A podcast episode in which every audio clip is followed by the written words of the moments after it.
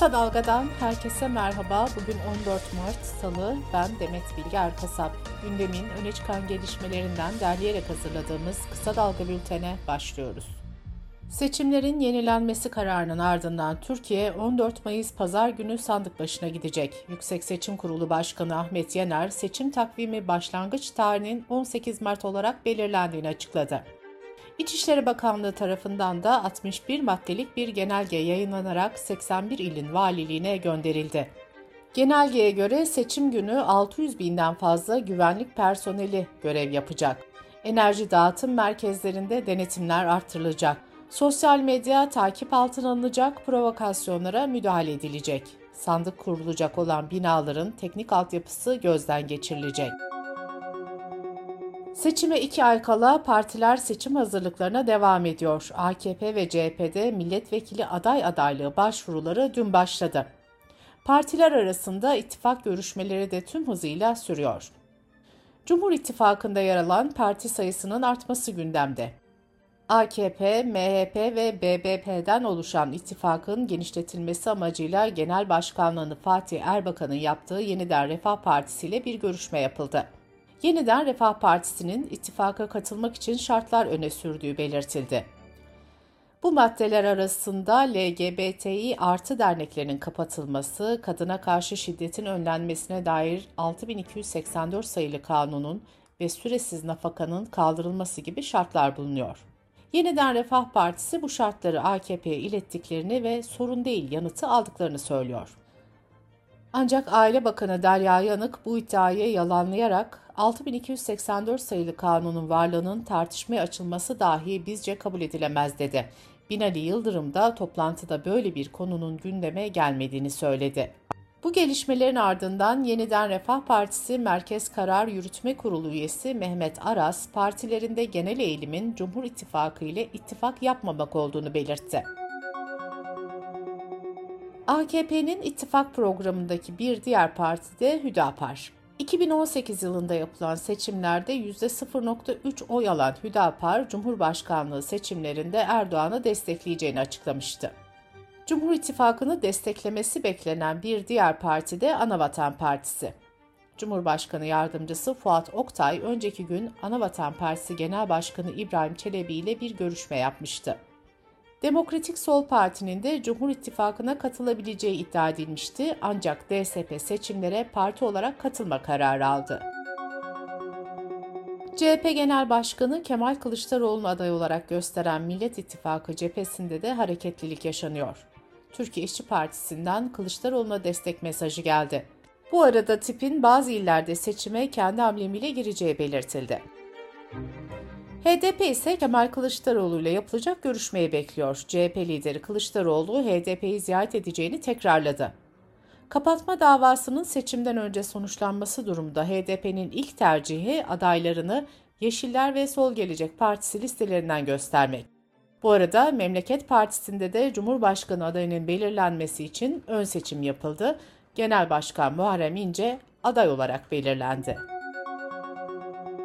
İçişleri Bakanı Süleyman Soylu, Maraş depremlerinde yaşamını yitirenlerin sayısının 48.448'e yükseldiğini belirtti. 1615 yurttaşın kimliklendirme çalışması da adli tıpta devam ediyor. Doğal Afet Sigortaları Kurumu da Maraş merkezli depremlerin 11 ilde neden olduğu yıkımlar nedeniyle bugüne kadar 3 milyar 350 milyon lira tazminat ödemesi yaptığını açıkladı. Alınan hasar ihbar başvuru sayısı 362 bini geçti. Milli Eğitim Bakanı Mahmut Özer, LGS kapsamındaki merkezi sınavın ülke genelinde 4 Haziran'da yapılacağını belirterek o hal ilan edilen illerde öğrencilerin başka illerde sınava girebileceğini söyledi. İstanbul'da depreme karşı yeni bir imar planı geliyor. İstanbul Büyükşehir Belediye Meclisi'ne sunulan düzenlemeye göre yeni inşa edilecek yapılarda asma kat olmayacak. İki kattan fazla katı bulunan yapılara bodrum zorunluluğu getirilecek. Milliyet'in haberine göre 12 Ağustos 2001'den önce yapılmış olan yapıların Türkiye Bina Deprem Yönetmeliğine uymayanlara yapı kullanma izin belgesi verilmeyecek. Riskli yapılar güçlendirme veya dönüşüm yoluyla yenilenecek. Her türlü imalat yapı ruhsatına tabi tutulacak, tadilat ruhsatı zorunlu olacak. Kısa Dalga Bülten'de sırada ekonomi haberleri var. Türkiye İstatistik Kurumu Cuma günü iş gücü istatistiklerini yayımlamıştı. Verilere göre işsizlik oranı Ocak'ta 0,5 puan azalarak 9.7'ye gerilemişti. Ancak geniş tanımlı işsizlik oranı %21.9'a, genç işsizlik oranı ise %20.2'ye yükselmişti. Dünya Gazetesi yazarı Nabi Bakır, Türkiye İstatistik Kurumu verilerine göre 8,5 milyona ulaşan geniş tanımlı işsiz sayısının 94 ülkenin nüfusundan fazla olduğunu belirtti. Merkez Bankası verilerine göre Ocak ayında cari işlemler hesabı 9 milyar 849 milyon dolar açık verdi. Ödemeler dengesi en son 2011 Mart ayında 9.41 milyar dolar açıkla rekor kırmıştı. Son rakamlarla aylık bazda tarihi rekor kırılmış oldu. Resmi rezervlerde Ocak ayında 9 milyar 341 milyon dolar net azalış gösterdi. Amerika'nın 16. büyük bankası olan Silikon Vadisi Bankası iflas etti. Banka çoğunlukla teknoloji sektörü çalışanlarına ve risk sermayesi destekli şirketlere hizmet ediyordu. ABD Merkez Bankası, Hazine ve Federal Mevduat Sigorta Şirketi piyasalarda tedirginlik yaratan batışın ardından bankacılık sistemine güven artırmak için bir dizi önlem aldı.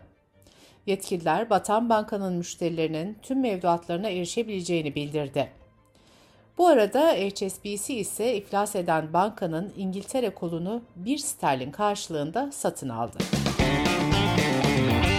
Dış politika ve dünyadan gelişmelerle bültenimize devam ediyoruz.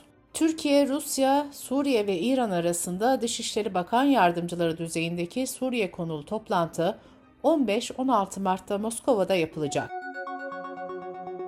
Ukrayna Savaşı'nın ardından bu ülkeye yapılan sevkiyat yüzünden Avrupa ülkelerinin silah ithalatı geçen yıl ikiye katlandı. Ukrayna ise geçen yıl dünyanın silah sevkiyatı yapılan üçüncü büyük ülkesi oldu. Stockholm Uluslararası Barış Araştırmaları Enstitüsü'nün araştırmasına göre Avrupa'nın silah ithalatı 2022'de bir önceki yıl oranla %93 artış gösterdi. Bu artışın bu yılda sürmesi bekleniyor. Bu arada İngiltere Başbakanı Rishi Sunak, Rusya ve Çin'den gelen tehditleri gerekçe göstererek Savunma Bakanlığı'na 2024-2025 yıllarını kapsayan 5 milyar sterlinlik savunma bütçesi ayrılacağını açıkladı. İran'da geçen yıl Eylül ayında 22 yaşındaki Mahsa Amini'nin gözaltında hayatını kaybetmesinin ardından başlayan gösterilerde tutuklanan yaklaşık 22 bin kişi için af çıktı. Bu kişilerin serbest bırakılacağı belirtildi. Çekya'nın başkenti Prag'da binlerce kişi hükümeti protesto etti. Çekya, yoksulluğa karşı sloganıyla yapılan protestolarda hayat pahalılığı nedeniyle iktidardaki merkez sağ hükümetin istifası istendi. Katılımcılar NATO'yu da eleştirerek Ukrayna'ya askeri yardımların durdurulmasını talep etti. Yaklaşık bir yıldır enflasyonla mücadele eden ülkede Şubat ayında enflasyonun %16.7'ye ulaştığı belirtiliyor. Çekya ayrıca Rusya'nın Ukrayna işgalinden bu yana Ukrayna'ya askeri ve insani yardımlarda başı çeken ülkelerden biri konumunda. Japonya'da COVID-19 salgınına karşı maske kullanımı zorunluluğu kaldırıldı. Japon hükümetinin yasal zorunluluk olmamasına rağmen tavsiye niteliğindeki maske yönetmeliği gevşetildi. Böylece 2020'den beri yürürlükte olan yüz maskesi takma yönetmeliği ülke genelinde kişinin kendi tercihine bırakıldı. Amerikan Sinema Sanatları ve Bilimleri Akademisi tarafından düzenlenen Oscar ödülleri bu yıl 95. kez verildi. Her şey her yerde aynı anda filmi 7 dalda ödül kazandı. Bültenimizi kısa dalgadan bir öneriyle bitiriyoruz.